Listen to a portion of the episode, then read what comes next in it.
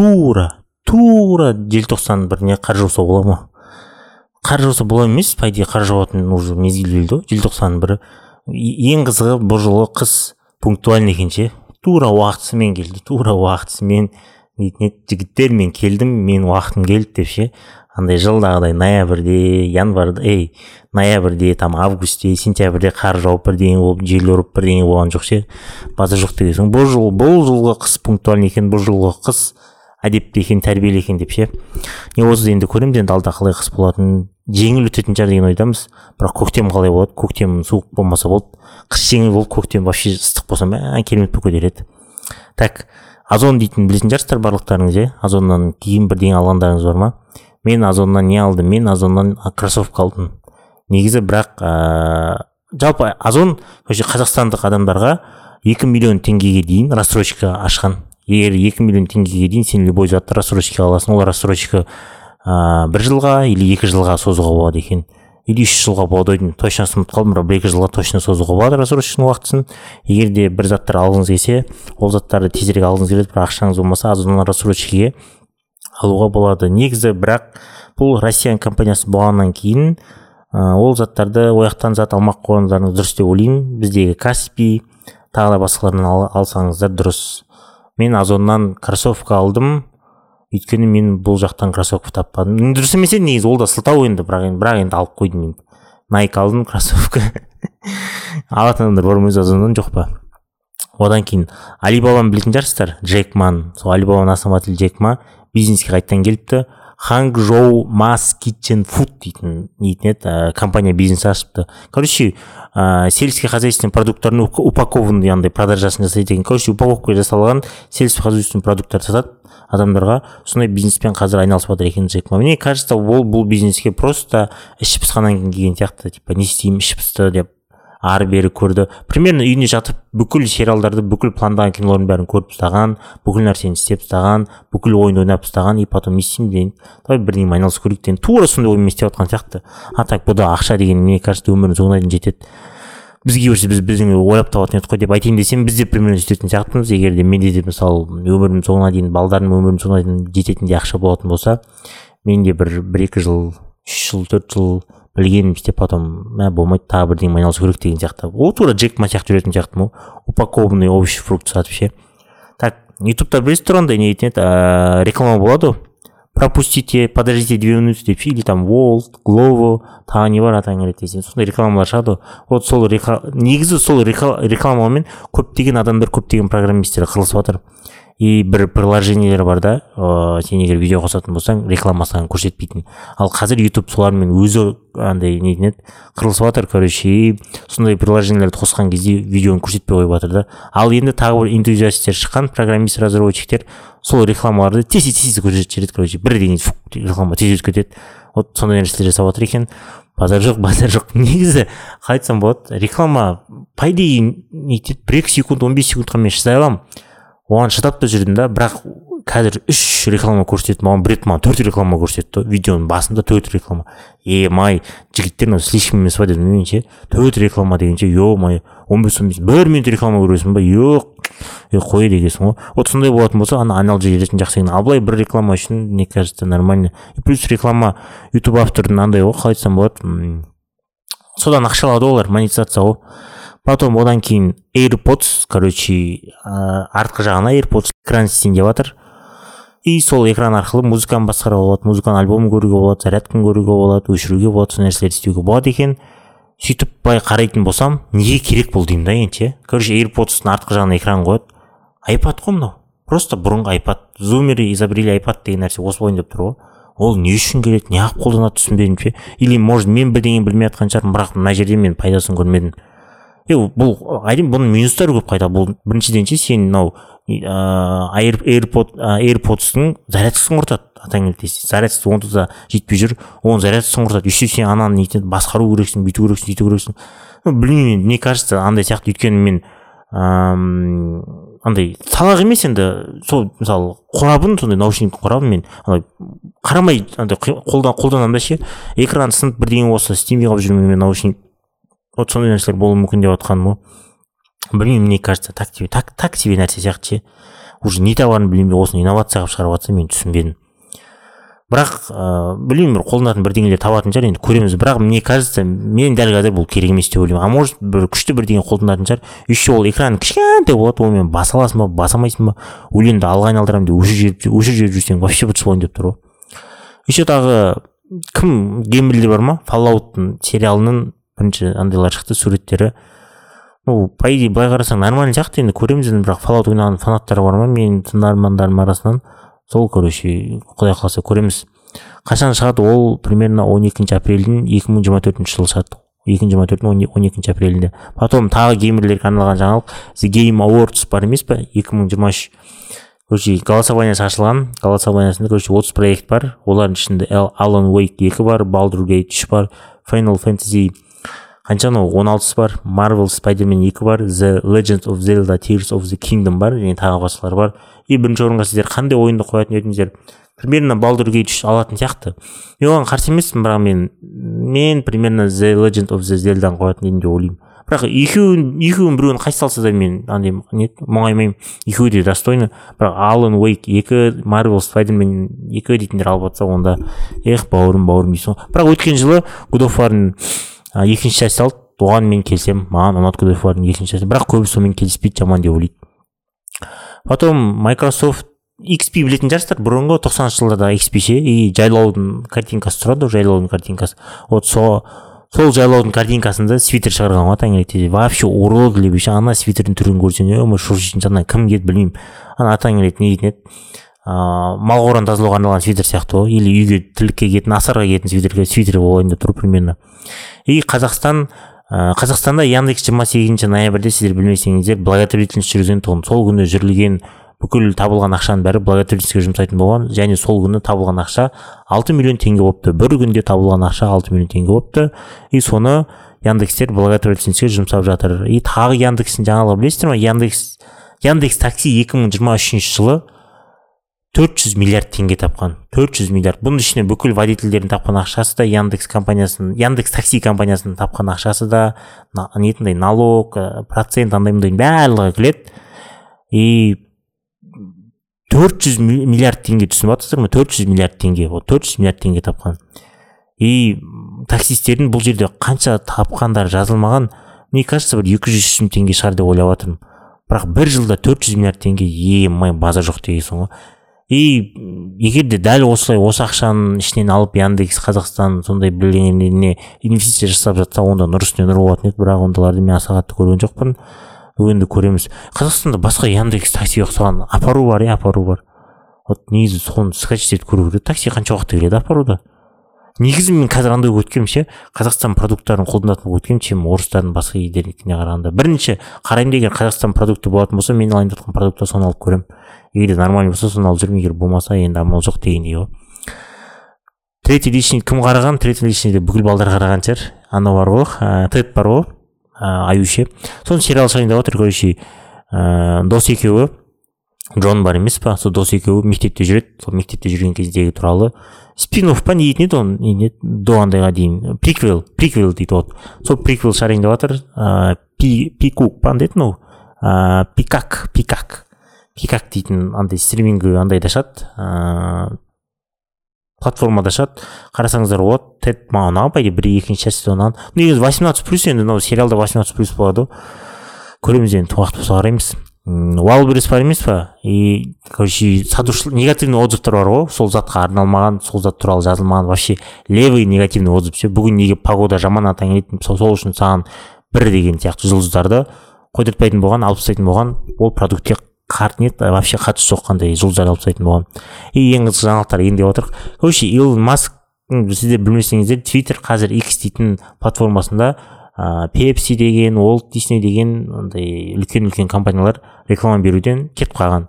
И сондықтан ну типа андай деп ойлайды да илон маск слишком типа анти бірдеңе деп айтқан. Короче ну короче жаман андай тірліктер жасап жатыр анау мынау көп сөйлей береді дұрысында дұрыс дұрыс емесін айта береді деп ше.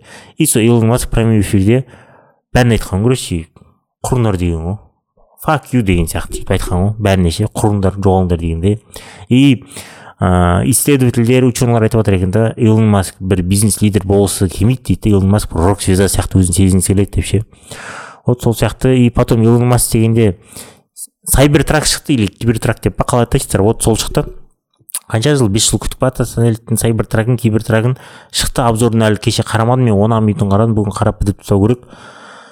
Былай бір қарасаң нормально еще білесіздер ма андай видео шықты? Ыыы короче кибертрак порш бар емес па? Порш тоғыз жүз он бір ше содан басып озады ғой емай база жоқ дегенсің ғой четверть миль бар емес па? Четверть мильда короче ыыы короче пикап озып кетеді да. Сайбертрак порш тоғыз жүз он бірден озып кетеді да. Еще пикаптың артында тоғыз жүз он бірдің тағы өзі тұрады. Соны типа ну алып баратып ше андай ну алып баратып озып кетеді. Артында еще машина бар. Ыыы артында машинасы жоқ. Порш тоғыз жүз он бірден озып кетеді. База жоқ дегенсің ғой. Вот. Енді көремін енді обзорын. Бірақ қазақстанда қашан шығады екен ол? Примерно алатын адамдар бар ғой қазақстанда. Примерно қазақстанға айтайын ба? Ол бір он миллион ба? Жоқ өтірік айтамын. Ыыы иә бір жоқ он миллион емес. Иә бір он миллион или бір жоқ он миллион тұру невозможно ғой пикаптың. Ал бізге қазақстанға примерно бір алпыс миллионға ма келетін шығар ол елу миллионға ма ше алып келумен ары бері бәрісімен ше. И сонда бір өзі бір жиырма бес миллион ба отыз миллион ба тұрайын деп тұр ғой пикап құдай біледі. Көреміз енді қазақстанға келген кезде бірақ слишком футуристичный көрінетін сияқты бірақ маған солысымен ұнайды. Солысымен ұнайды маған. Оны чисто междугородқа қоятын сияқты жұрттар ше альфардпен жарысып дегендей ше. Еще тағы фуриоса дейтін білесіздер ма кім екенін? Безумный макстағы қыз бар емес па? Вот соның приквелі шығып жатыр фуриоса. Не істеген қалай өскен не болған че болған дейтін. Соның трейлер шықты. екі мың жиырма төртте премьерасы болады. Трейлер базар жоқ ұнады еще оның ішінде ыыы крис хемсворт ойнайды. И анна тейлор джой фюриосаны ойнайды. Трейлер ұнады маған базар жоқ трейлер ұнады. Енді тура безумный макс сияқты болатын болса онда мә джордж миллерге братан дейсің ғой. Братан дейсің. Өйткені мен безумный макстегі киноларда көрдім да. Екі екі жақ екі сағат он бес минут па екі сағат он минут болды ше. Уақыттың қалай өткенін білмей қалдым ғой. Емай екі сағат бойы адреналин драйв ше кайф болды. Емай еще машиналардың соғылған авария болған бүйткен жарылған ше. Тура сөйтіп түсіретін болсам мен ше базар жоқ деймін. Мә от души деймін. И самый самый мықты жаңалық ең күшті жаңалық соңына таман қалдырдық. Гта шесттің гта шесттің короче бесінші желтоқсан күні пятый декабрь осыдан үш күннен кейін трейлер шығады. Ей трейлер шығады ей трейлер. Он жыл өтті атаң келеді. И жоқ он төрт жыл өтеді. Екі мың он үште шыққан жоқ па гта бес? Вот он төрт жыл он бір жыл өтті. Ема ақыры батя вернулся. Атаң рокстар геймс ема білмеймін енді гта шесть қалай болатынын. Че то андай нетен ожидание слишком. Не только ожидание менде бүкіл әлемде ожидание слишком болатын сияқты ше трендті қоятын кісілер ғой бұлар енді білмеймін трейлерін қараймыз. Андай болады деп жатыр ғой. Анау бар емес па? Америкада ұрлықшы ше? Әйел адам мен еркек адам ше? Боб и клайд дей ма солар? Вот ыыы сондай сияқты болады дейді. Короче бір әйел бір еркек болып сөйтіп миссия орындайсың сондай қыласың дейді. Көреміз енді не болса да трейлерін. Бірақ базар жоқ жаңалыққа енді. Гтаның гта деген ол енді тренд қой. гта деген бренд қой. бір күнде өзінің құртқан бюджетін тауып алатын ой ғой короче. гта алты бес тура сөйтті ғой. продаж продажаға шықты бір күнде кеткен бюджеттің бәрін уже қайтадан өздеріне қайтарып алды вот гта сондай ойын. Еще гта білесіздер ма? он жыл он бір жыл өтсе де әлі күнге шейін топта жүреді. Әлі күнге шейін ондық топқа кіретін ойын ғой. гта алты шықса вообще бомба болатын сияқты ғой. Көреміз енді не болса да. Бесінші декабрьдің трейлерін қараймыз. Қайырлы күн қайырлы таң қайырлы кеш қайырлы күннің қай уақытысында тыңдап отырсыздар менің есімім асхат. Бұл бояуыз арнасы мен мұнда маған қызықты деген кітаптар жайлы маған қызықты деген ойлар жайлы айтамын. Жаңалықтар жайлы айтамын. Солар туралы ақылдасамын. Солар туралы өз ойымды айтамын. Ал амансыздар ма? Бұл бояуыз арнасы кеттік бастайық.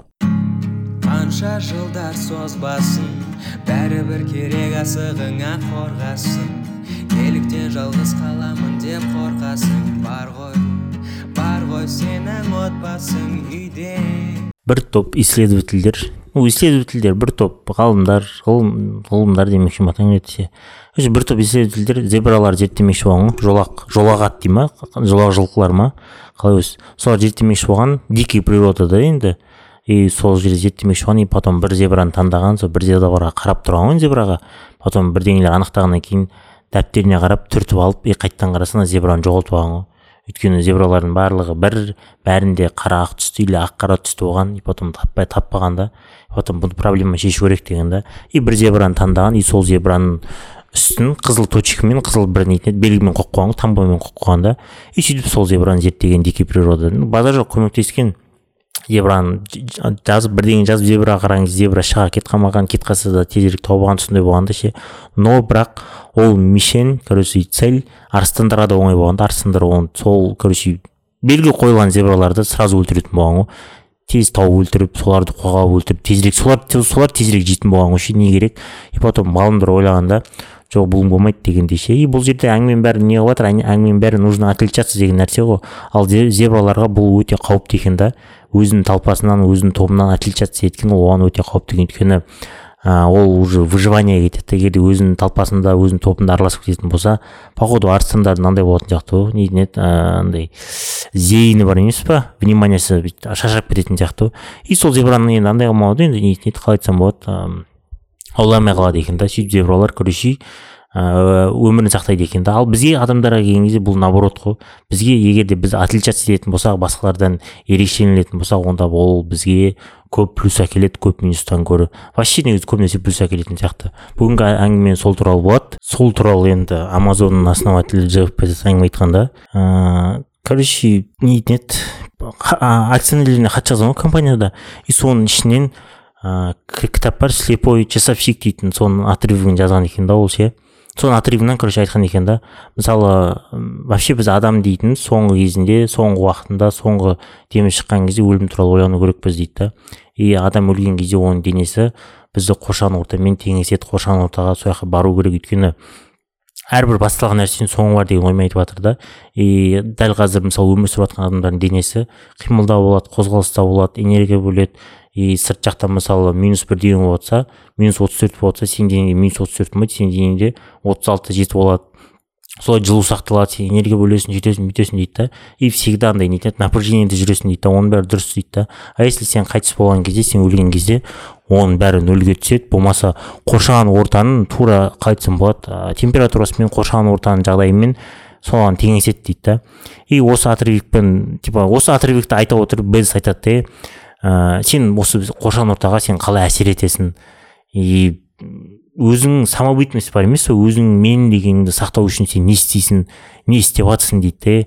И өзің реалистичный сақтау үшін не істеп жатрсың дейді да бұл әлемде сен өзің мендігіңді өзіңді ішкі андай өзің бар емес мысалы мен асхат дейді меніңше вот сондайды сақтау керек дейді да и оны сақтамау керек үшін причина өмірде көп дейді. И әлем саған оны сақтамау үшін бүкіл нәрсені жаса- жасатқызады бүкіл нәрсені алдыңа әкеледі дейді да. Чтобы сен өзің мендігіңді жоғалту керексің. Сен барлық адамдар сияқты қоршаған орта сияқты қарапайым болу керексің қоршаған адамдар сияқты бірдей болу керексің сияқты оймен. Әлем сені сөйтіп қинайды дейді да. Ал сен сен оған берілмеу керексің дейді да. И осының бәрі әсер еткен кезде сен өзіңді қалай сезінесің дейді да. И обычно а, адамдардың көбісі егер де сен отличаться етіп жатсаң бірдеңе істеп жатсаң саған қарсы шығады ой болмайды анау мынау деген сияқты. Вот солардың бәріне қарсы тұру керек дейді да. И осы қарсы тұрған басқалардан отличаться ету деген нәрсенің барлығы жаңағыдай қызыл белгі дейді да зебралардағы таңба сияқты дейді да. И ол таңбаны қалай айтсам болады таңбаны ұстап жүру өте қиын дейді да. Жаңағыдай зебралар өліп кетіп жатса бізде де примерно сондай сияқты жағдай болады. Но енді өліп кетпейсің бірақ енді каждый день жұмыс істеу керексің сен. Чтобы сол қызыл таңбаны сен ұстап жүру үшін қызыл таңбамен бірге жүру үшін да. Ал егер сен қызыл таңбаны алып тастайтын болсаң сен көпшіліктің ортасына қосылып кетесің көпшілік сияқты болып кетесің сені ешкім байқамайды да дейді да. Саған ешкім ештеңе демейді дейді да. Ал егер сен бір ерек- сен сен егер де бір нәрсемен ерекшеленіп шығатын болсаң ерекшеленіп бірдеңе істейтін болсаң онда барлығы саған саусақтарын көрсетеді саған әңгіме айтады саған сын айтады сондайлар болады дейді да. Ал сен каждый божий день жұмыс істеу керексің өзіңмен дейді да. Чтобы сен сол қызыл белгіні сақтау үшін сол қызыл белгімен жүру үшін дейді да. Иә қиын дейді. Но ыыы зебралар сияқты типа отдачасы жоқ нәрсе емес. Егер де сен сол қызыл таңбаны ұстап жүретін болсаң сенің өмірің одан да күшті болады дейді. И бұның призы сыйлығы соңғы нәтижесі өте күшті дейді да. И бұл нәрсеге жету үшін де істейтін тірлік істейтін нәрсе өте көп деген сияқты нәрсені айтып жатыр ғой енді. И сол жерде қазір біз ыыы он андай қалай айтсам болады түрін көреміз как нужно выделиться десе он способын көреміз. Қоршаған ортадан қоғамнан қалай нужно выделиться қалай ерекшеленуге болатыны туралы он нәрсесін айтамыз. Он түрін айтамыз.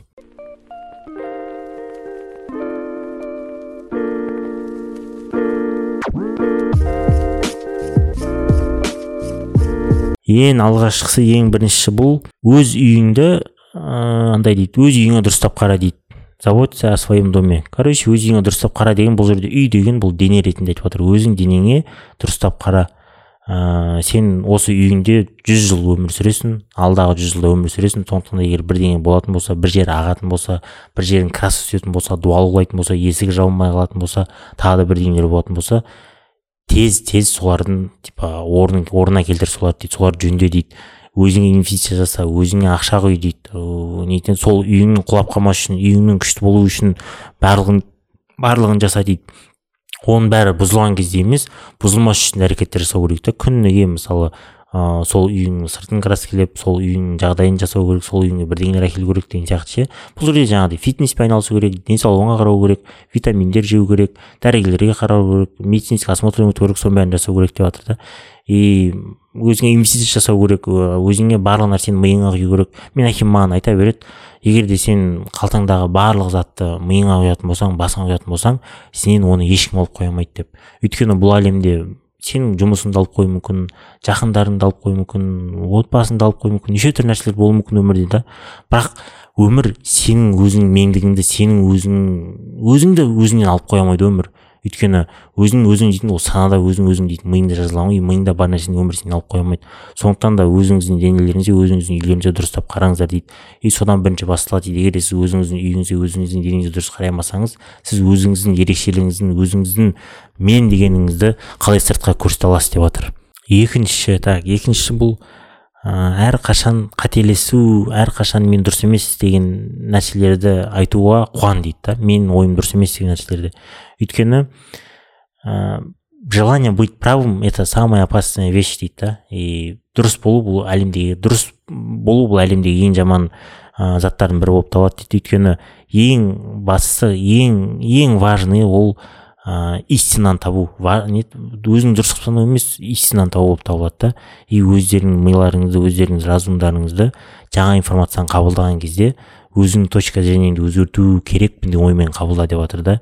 И каждый бір обновление болатын кезде каждый бір бірдеңе алатын кезде мысалы бір жаңалық бір информация алатын кезде сіз бұрынғы жаңалықтарыңызды сіздің бұрынғы старый версияңыздың миыңыздың обновить етеміз деген сөз сияқты ғой. Сіз бұрын үйренген нәрсені типа жаңа шықты а дейсіз соның үстіне қосасыз өзіңіздің ойыңызды өзгертесіз дейді да и мен всегда правмын деген оймен қалмаңыз дейді. Мен қателесемін деген оймен жүріңіз дейді. Өйткені сіз егер де мен всегда правмын мен всегда дұрыс деп жүретін болсаңыз бұл дамудың ең бірінші қауіп болып табылады. Анау облси смит айтатын сөз бар ғой. Не повторяй ә, самых нет не повторяй ә, нет глупых вещей самых умных умных человека пусть әлемдегі ең ақылды адамдардың қателігін жасама дейді. Менен басқа ақылды адам жоқ деп ойлама деген сияқты вот солай.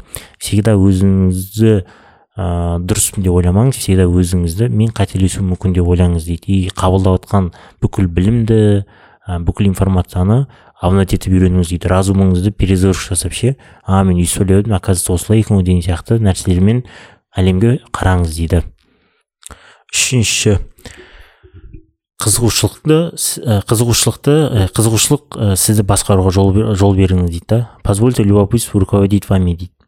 Екі мың он сегізінші жылы бір зерттеулер жүргізілген. Сол кездегі зерттеулерде егер де адам қызығатын болса қызығушылық жасайтын болса оның психологиялық физиологиялық денсаулығы жақсарады деген жақсарады деп жазылыпты да. Егер де любопытство болатын болса адамда адамда удовлетворенность жизнью положительный эмоции жоғарылайды да. Ал тревожность төмен түседі деген да. И любопытство ол бақытқа келеді дейді да. И бізді любопытство бақытты қылады деніміз сау қылады самореализацияны күшті қылады дейді да. И если бы любопытство таблетка болатын болса бүкіл әлем фармацевттер оны супер препарат ретінде тарататын еді дейді да. И всегда қызығыңыз дейді всегда қызығушылықпен любопытствомен жан жаққа қараңыз дейді. Негізі ыыы қыз иә қызығушылық дейтін бізді биік биік белестерге апарады. Біз білмейтін жерлерге апарады ғой уолт диснейдің бір мультфильм бар ғой в гостях робинсонов дейтін ба сондай бір мультфильм бар кішкене кезімде көрген. Сол мультфильм бітіп жатқан кезде сол сөз жазылған любопытство бізді жаңа белестерге любопытство бізді жаңа тауларға жаңа жерлерге апарады. И только любопытство бізді алға жетелейді деп ше. И вот егер де бір нәрсеге қызығып қарайтын болсаңыз сіз мысалы бір нәрсені аласыз а не екен мынау не екен? деген сияқты ше шұқылап көресіз өйтіп көресіз. Мысалы мен мысалы айтайын да мысалы мен техниканы шұқылағанды жақсы көремін мен. Білмесем де ше просто маған қызық. Ішінде не бар екен қалай құрылған қалай істеледі деген сияқты мен сол арқылы көп нәрсені үйренгенмін. Там нетін еді азуы бар ма жесткий дискісі бар ма материнский платасы бар ма видеокартасы бар ма қалай қосылады қалай жүргізеді. Ә, там суть неде бір біріне қалай байланысады деген соның бәрі қызығушылықтан пайда болған ше просто қызығушылықтан ашып андай қызығып кете бергеннен кете бергеннен. Сондықтан да қызығыңыздар егер қызықсаңыздар сіз қызығушылық сізді бақыт қылады екен дендеріңіз сау болады екен самореализацияңыз жоғарылатады екен тревожностьті төмен түсіреді екен.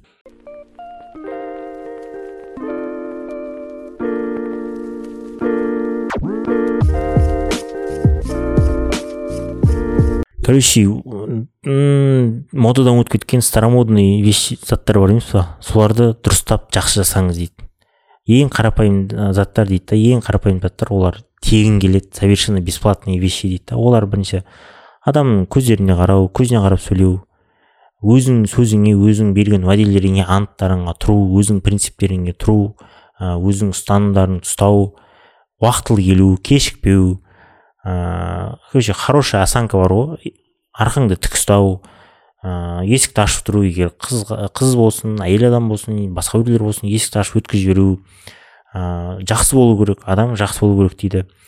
И амандасқан кезде жақсылап берік амандасыңыз дейді. Адам сіздің қолыңызды ұстаған кезде сізді сезетін дейді чтобы сіз шын көңілден амандасып жатқаныңызды. Осы не осы заттардың барлығы деп отыр. Енді старомодный вещь ғой негізі. По идее олар бұрыннан белгілі жатқан заттар ғой. Бүкіл психологияның кітабын ашып қарасақ осылардың бәрі жазылған. Осы заттар модадан өтпейді никак дейді. Адам тірі кезде бұл заттарда болады дейді сондықтан да осы заттарды дұрыс жасап жүріңіздер дейді. Мына жерде осанкаңызды дұрыстаңыз дегенде менде андай бар ә, должок бар. По идее осанкамды мен кейде дұрыстамаймын осанканы дұрыстау керекпін бірақ мен жаттығулар жасап жүрдім ше. Адамдардың көзіне қарап сөйлеймін. Будь ә, верен своему слову мен өз уәделерімде тұрамын. Өйткені ол менің принциптерім нетін еді андайларыма кіреді. Ұстанымдарыма приходить вовремя кешіккенді жаман жек көремін. Ыыы придерживать дей ладно понятно өз сөзім тұру уәдемде тұрамын. Будь добрым не всегда получается но тырысып жатырмын умеренный уверенный рукопожатие дейтін білмеймін енді албы адамдармен достарыңмен андайлармен бизнес встреча ары берді уверенный рукопожатие жасайсың ғой. Былай кейде кейде былай жақтырмайтын адамдармен деген сияқты. Андай адамдар бар білесіздер ма? Екі саусағын беретін бір саусағын беретін жатағың келеді десе қолынан бір тепкің келеді ғой. Вот сол кезде теппеу керек сол кезде жақсылық жақсылық жасау керек сол адамдарға.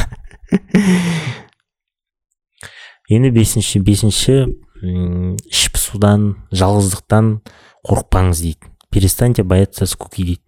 Бізге шынымен де скуканы нормализациялау керек дейді қалпымызға өмірімізге кіргізу керек дейді. Вообще творчество наступает в период скуки дейді да мысалы. Сіз далада серуендеген кезде душта болған кезде бір өзіңіз тамақ жатқан кезде сіздің ішің пісіп жатыр сізге скучно и сол кезде миыңызда әртүрлі нәрселер болады дейді да и сол кезде творческий бірдеңелер миыңызға келуі мүмкін деп жатыр да и скукадан қорықпаңыз дейді. Жалғыздықтан қорықпаңыз дейді. Мен негізі іш пысу дейтіннен қорықпаймын мен никогда ішім пыспайды всегда бір өзім болса да істейтін нәрсе табамын айналысатын нәрсе табамын. Или таппаған өзінде де мен кітап оқи саламын. Өйткені кітап оқығанды жақсы көремін. Ну а былай мен типа не істеймін деп кітап оқымаймын мен по идее. Өзім уақытым бар сол кезде оқимын да а былай мен ішім пыспайды мен вообще карантинде ішім пыспаған адаммын ғой ше локдаунда вообще ішім пыспаған адаммын. Ғой тағы да бір екі айға локдаун сосшы деген адаммын мен ше біраз нәрсені өзім пландаған нәрселерімді істеп үлгере алмай қалдым. Ба егер де тағы да құдай сақтасын енді бірақ егер сондай болатын болса мен ішім пыспайды мен мен андай бір жыл десе бір жыл жүре беретін сияқты. Білмеймін енді. Интернет болғанның арқасында ма білмеймін. Бірақ бәленбай кітап оқыдым ше. Бірақ мен скукадан қорықпаймын. Сіздер де скукадан қорықпаңыздар. Скука керек дейді. Сондықтан да осы аптаңыздың уақытына осы апталық жоспарларыңызда алдағы апталарыңыздың жоспарларыңызда бір отыз қырық минут скуканы жоспарлаңыз дейді. Алтыншы избегайте перспективных слепоты дейді. Короче мен бәрін білемін мен оның бәрін білемін мен ойлаған бәрі дұрыс дейтін нәрселерден аулақ болыңыз дейді да. Өйткені бізге көп проблема алып келетін неприятность әкелетін бізді білмейтін заттар емес біздің білетін заттар деген сияқты әңгіме бар ғой марк твеннің. Вообще әр айдың соңында ойланыңыз дейді да. Осы айда мен қалай ойымды өзгерттім не нәрсеге ойым өзгерді не нәрсеге менің мнением өзгерді деп ше? Егер де сіздің осы айда еш нәрсеге мнениеңіз өзгермесе значит сіз дұрыс ойлап жатқан жоқсыз деген нәрсемен айтып жатыр да. И мнениеңізді өзіңнің ойыңызды өзгертуге тырысыңыз. Біздің мен достарым бір досым айта беретін әңгімесі бар. Ну ол енді прикол ретінде андай қылып айтады да только глупец не меняет свое мнение деп ше. Андай сөзден сөзден секіріп кетеді да ол ше. Типа мына кезде бүйтіп істейік те ей сен сөйтіп айттың ғой десең ше. Типа сөйтіп істедің ғой сен сөйтіп қылдың ғой десең только глупец не меняет свое мнение деп сөйтіп айтады да ше. Сол сияқты енді. Бұны енді дұрыс жағынан пайдалану керек та енді только глупец не меняет свое мнение деп білген нәрсені істей бермеу керек мен бір досым сияқты. Ал былай жаңағыдай сіз ойлап мысалы сіз өмір бойы бірдеңе ойладыңыз и оказывается бір айдың ішінде сіз ол туралы ол вообще басқа нәрсе болып шықты да. Сол туралы ойыңызды өзгерттіңіз да сіз. Ал сіз типа жоқ менікі дұрыс ол онікі дұрыс емес осындай емес деп үйтіп қалмаңыз деп жатыр да бүкіл әлем сөйтіп ойлап жатыр сіз ақ қана үйтіп ойлап жатқан жоқсыз да ше. И сіз бүкіл әлем қарсы шығып жатсыз да. И сондайды қойыңыз деп жатыр да всегда ойыңызды мнениеңізді өзгерткен дұрыс деп жатыр да. Жаңағыдай облыс итмен айтқан әңгімесі сияқты ғой өзімді всегда ақылдымын деп санама деп. Жетіншісі дейді өз тайпаңызды өз племяныңызды табыңыз дейді да. Біздің окружение вообще бізді қоршаған орта біздің реальностімізді создавать етеді біздің реальностімізді қазіргі кезімізді жасайды. Егер де сіз өзіңізді қоршаған өзіңізді бұрынғы не өткен шақпен өткен нәрселермен көп ойланатын адамдармен қоршайтын болсаңыз өзіңізді онда сіздің өз өміріңіз дұрыс болмайды дейді. Всегда өзіңізді болашақты ойлайтын болашаққа план құратын үлкен жоспарлар қылатын үлкен тірлік жасаймын дейтін адамдармен қоршаңыз дейді да. Вот сол кезде сіздің өміріңіз өзгереді дейді да и өзіңіздің тайпаңыздың өзіңіздің окружениеңізді құраңыз дейді. И онды құрғанда да жаңағыдай сіздің ойларыңызды сіздің мақсаттарыңызды сіздің армандарыңызды сіздің болашақтарыңызды ыыы қолдайтын ыыы андай нетін бағалайтын адамдармен бірге болыңыз деп жатыр да. И жаңағыдай артықтататын адамдар емес. Бұның бәрі и так белгілі нәрсе болар артықтататын адамдармен болмау керек деген сияқты. Арман дегенде мен бір сөз естідім да осы бір сөз бір сөз оқыдым мен бір кітаптан. Егер де сіз өз армандарыңыздың өз армандарыңыздың орындалуынан қорықпасаңыз дейді да онда сіздің армандарыңыз онша емес дейді да. Сіз өз армандарыңыздың орындалуынан қорқу керексіз дейді да. Мысалы мен осыны жасаймын деген менде арман бар дегенде сіз қорқу керексіз дейді да ол ондай бола ма болмай ма деген сияқты ше. Вот сол арман дейді да. А если сіз осыны жасаймын бірақ сөйтіп жасай алатын болсаңыз ол арманға жатпайды дейді да. Сол сияқты үлкен биік биік прям белес армандарды армандаңыздар. Армандау үшін ақша ештеңе керек емес қой. Басың болса санаң болса болды армандай бересің ғой. Енді иә енді көбісіне де аллах тағала өйтіп жаратпаған но бірақ енді бұл жерде біз санасы бар басы бар миы бар адамдар айтып жатырмық қой енді. Сондықтан да биік биік армандарды армандаңыздар биік биік белестерді армандаңыздар. Сегізінші дейді. Ну ары қарай мынандай нетін еді шаблонный шаблонный әңгімелер кетіп жатыр енді. Бұл жерде айтып жатқан екіншісі избегайте ловушки сравнений дейді. Біз өміріміздің басымызда өміріміздің жиырмасыншы отызыншы жылдығында карьерамыздың басымызда өзімізді басқалармен салыстыруға жаман жақсы көреміз дейді да. И ол бізге жаман әсер етеді дейді. Қоршаған ортамен өзімізді көп салыстырамыз дейді да. Біреу осындай жасында осындай кезде осыншама ақша тапты. Біреу форбс отызға отыз жасқа дейін кірді. Біреу осындай осындай нәрсе істеді деп. Оның бәрі бізге жаман әсер етеді дейді да. Оның бәрі негізі автоматически болады дейді. Бірақ оның бәрін өшіруге тырысыңыз дейді да. Оның бәрін өшіруге тырысыңыз дейді да. И оның бәрі сізге жаман әсер мүмкін. Мысалы мен ауылда туылғанмын и ауылда бізде нетін еді короче білмеймін неге екенін адамдар короче үлкен забор соғу арқылы күшті иномарка алу арқылы типа біреулерден көршілерінен басып озамын деп ойлайды да ауылда адамдар сөйтіп ойлайды да и сөйтіп өз өз өз өздеріне короче андай не соревнование ойлап тауып алады и сол соревнованияға өздері қатысады ғой. Типа мен үлкен здание соқсам үлкен үй соқсам күшті машина алсам мен мықты боламын дейді да. А бірақ көршілері оған вообще қарап та жүрген жоқ ол не соғып жатыр не қылып жатыр деп ше.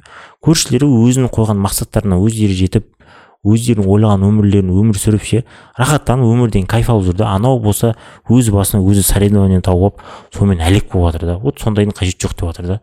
Біреумен салыстырып өзіңнің басыңа өзің соревнование ойлап таппай өзіңмен өзің өз өміріңді өзің алға қойған мақсаттарыңды орындап сөйтіп өмірден ләззат алып рахаттанып жүр деп жатыр да кіммен өзіңді салыстыруға болады? Өзіңді тек қана өзіңмен салыстыруға болады. Және кешегі өзіңмен және өткен өзіңмен салыстыруға болады. Мысалы сіздер әр жылдың соңында құдай қаласа желтоқсанның соңында андай қылатын шығарсыздар. Ыыы осы жылға қорытынды жасап өзіңіздің өзіңізге отчет тапсыратын шығарсыздар. Мысалы мен отчет тапсырамын бірақ мен отчетты желтоқсанда емес. Отчетты мен өзімнің туған күнімде тапсырамын. Вот туған күнімде отчет беремін. Мен сол үшін шығар туған күнімді қатты тойлағым келмейтін потому что ол күні настроение туған күн тойлайтын настроение болмайды өйткені өзің отчет бересің ол ең қиын отчет өзіңді алдай, алдай алмайсың өз өзіңді алдау дейтін ол білесіздер ең оңай нәрсе сондықтан да бар шындығыңды айтасың бұл жыл не істегенде не қылғанын бәрін айтасың да и короче қорытындылайсың ғой. Сол сияқты өз өзіңізді тек қана өзіңізбен кешегі өзіңізбен ғана салыстырыңыз басқалармен салыстырудың вообще қажеті жоқ.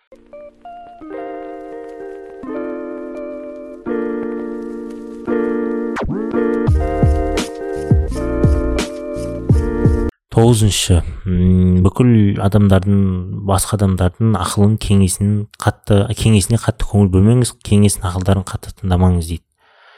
Көп совет берген сайын бізге адамдар көп, көп кеңес берген сайын біз менее подготовленный боламыз дейді да дайындығымыз төмендейді дейді.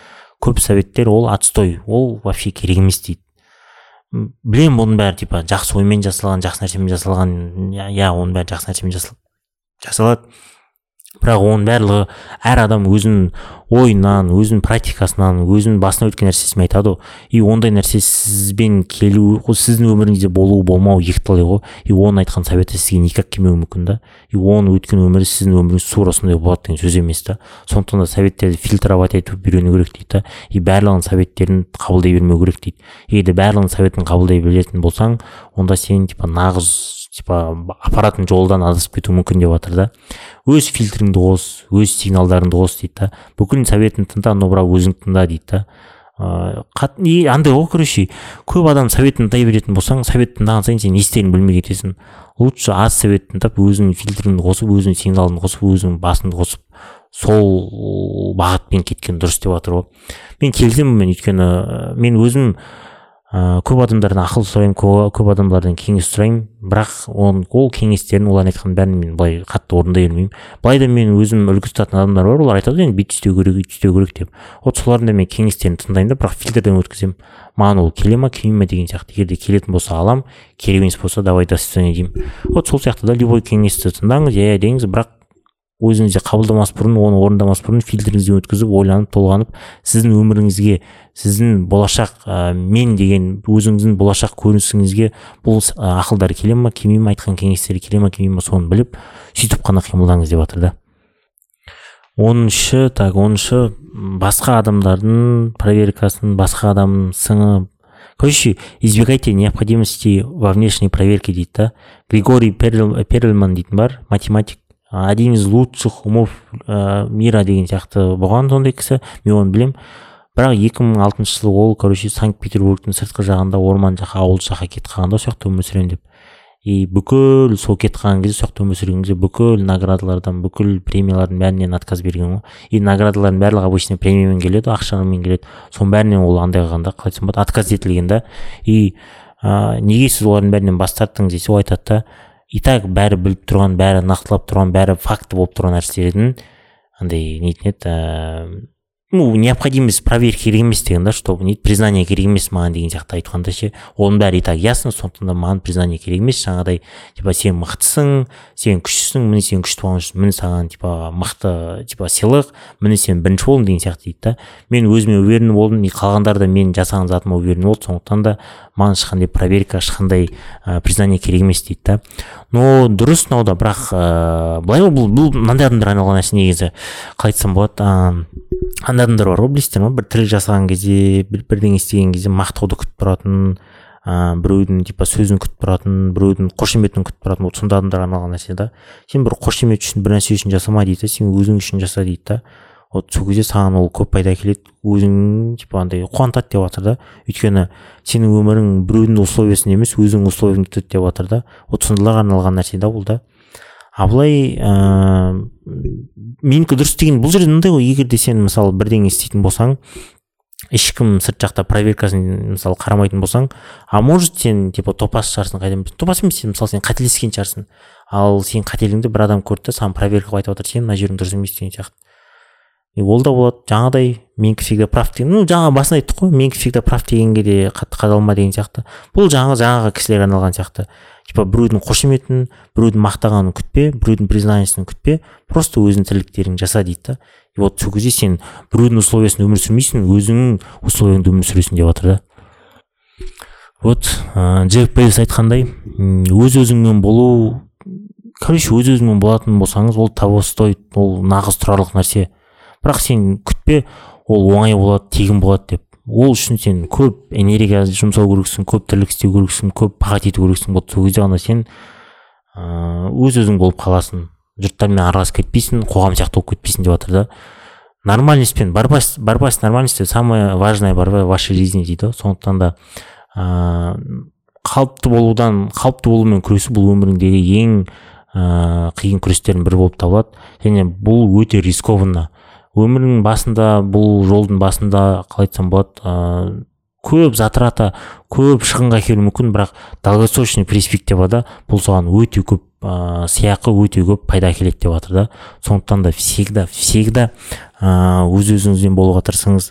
Қоғам қоршаған не айтады қоғам қоршаған орта сізге не ыыы ілестіріп жібергіңіз келеді нені жүктегіңіз келеді оның бәріне көңіл бөлмеңіз деп жатыр да.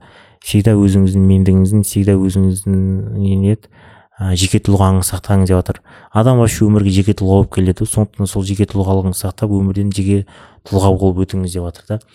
Вот сол кезде ғана сіз көптеген жеңістерге жетесіз көптеген белестерді бағындырасыз деп жатыр так қорытыла келе айта қорытыла келе айтарым бұл жерде м айтқан короче егер де сен бір белестерге жеткісің келсе егер де бір үлкен нәрсе жетістікке жеткің келетін болса онда қарапайым адамдар сияқты болма сені қоршаған адамдар сияқты болма дейді. Олардан нужно отличаться. Олардан ерекше болу керек дейді. Егер де ол адам күніне он бет оқыса сен он бір бет оқу керексің. Егер де ол адам мысалы ә, алты қабатқа шығатын болса сен жеті қабатқа шығу керексің. Егер де ол адам алты сағат жұмыс істейді сен жеті сағат жұмыс істеу керексің. Өйткені болашақта дейді да мысалы дәл қазіргі кезде мысалы сен жеті сағат істейтін болсаң сен үйіңе бір сағат кейін барасың ыыы жаңағыдай ну сондай уақыттар затраталар кетеді да. Бірақ долгосрочный перспективада болашақта оның бәрі саған көп сыйақы әкеледі деп жатыр да. Вот сол сияқты да егер де сен адамдардан озғың келетін болса ыыы короче көпшілік сияқты болғың болғың келмейтін болса онда сен көпшіліктен артық нәрсе жасау керексің. Егер де көпшіліктің жасаған болатын жас, жасаған жасайтын болсаң сен көпшіліктің көргенін көресің. Ал көпшіліктің көргенін көргің келмесе онда сен көпшіліктен артық нәрсе жасау керексің. Сондықтан да всегда өздеріңізге қызыл таңба тағып жүріңіздер және осы қызыл таңбаны всегда ұстап жүруге тырысыңыздар иә ол қиын болады иә ол оны тастап жаңағыдай көпшілік сияқты жүріп кету деген көпшілік сияқты ойлану деген сияқты нәрселер может соблазнить вас дегендей ғой бірақ оларға көңіл бөлмеңіз. Ыыы иә қазір қиын қазір затрата көп. Жаңағыдайдың бәрі әсер етуі мүмкін. Бірақ болашағыңызды ойлаңыз болашаққа деген инвестиция деп ойлаңыз. Сонда сіз жаңағыдай қызыл таңбамен болашаққа барсаңыз онда сізді өте шырайлы өте жақсы өмір күтіп тұр және ол өмірде сіз сол өмірге барған кезде осыншама қиындықтан өткен үшін өз өзіңізге өзіңіздің өткен меніңізге өзіңіздің меткен өткен асхатыңызға рахмет айтасыз. Сондықтан да қызыл таңбаны ұстап алып алға баса беріңіздер. Давайте сау болыңыздар. Қанша жылдар созбасын бәрібір керек асығыңа қорғасын. Неліктен жалғыз қаламын деп қорқасың бар ғой бар ғой сенің отбасың үйде.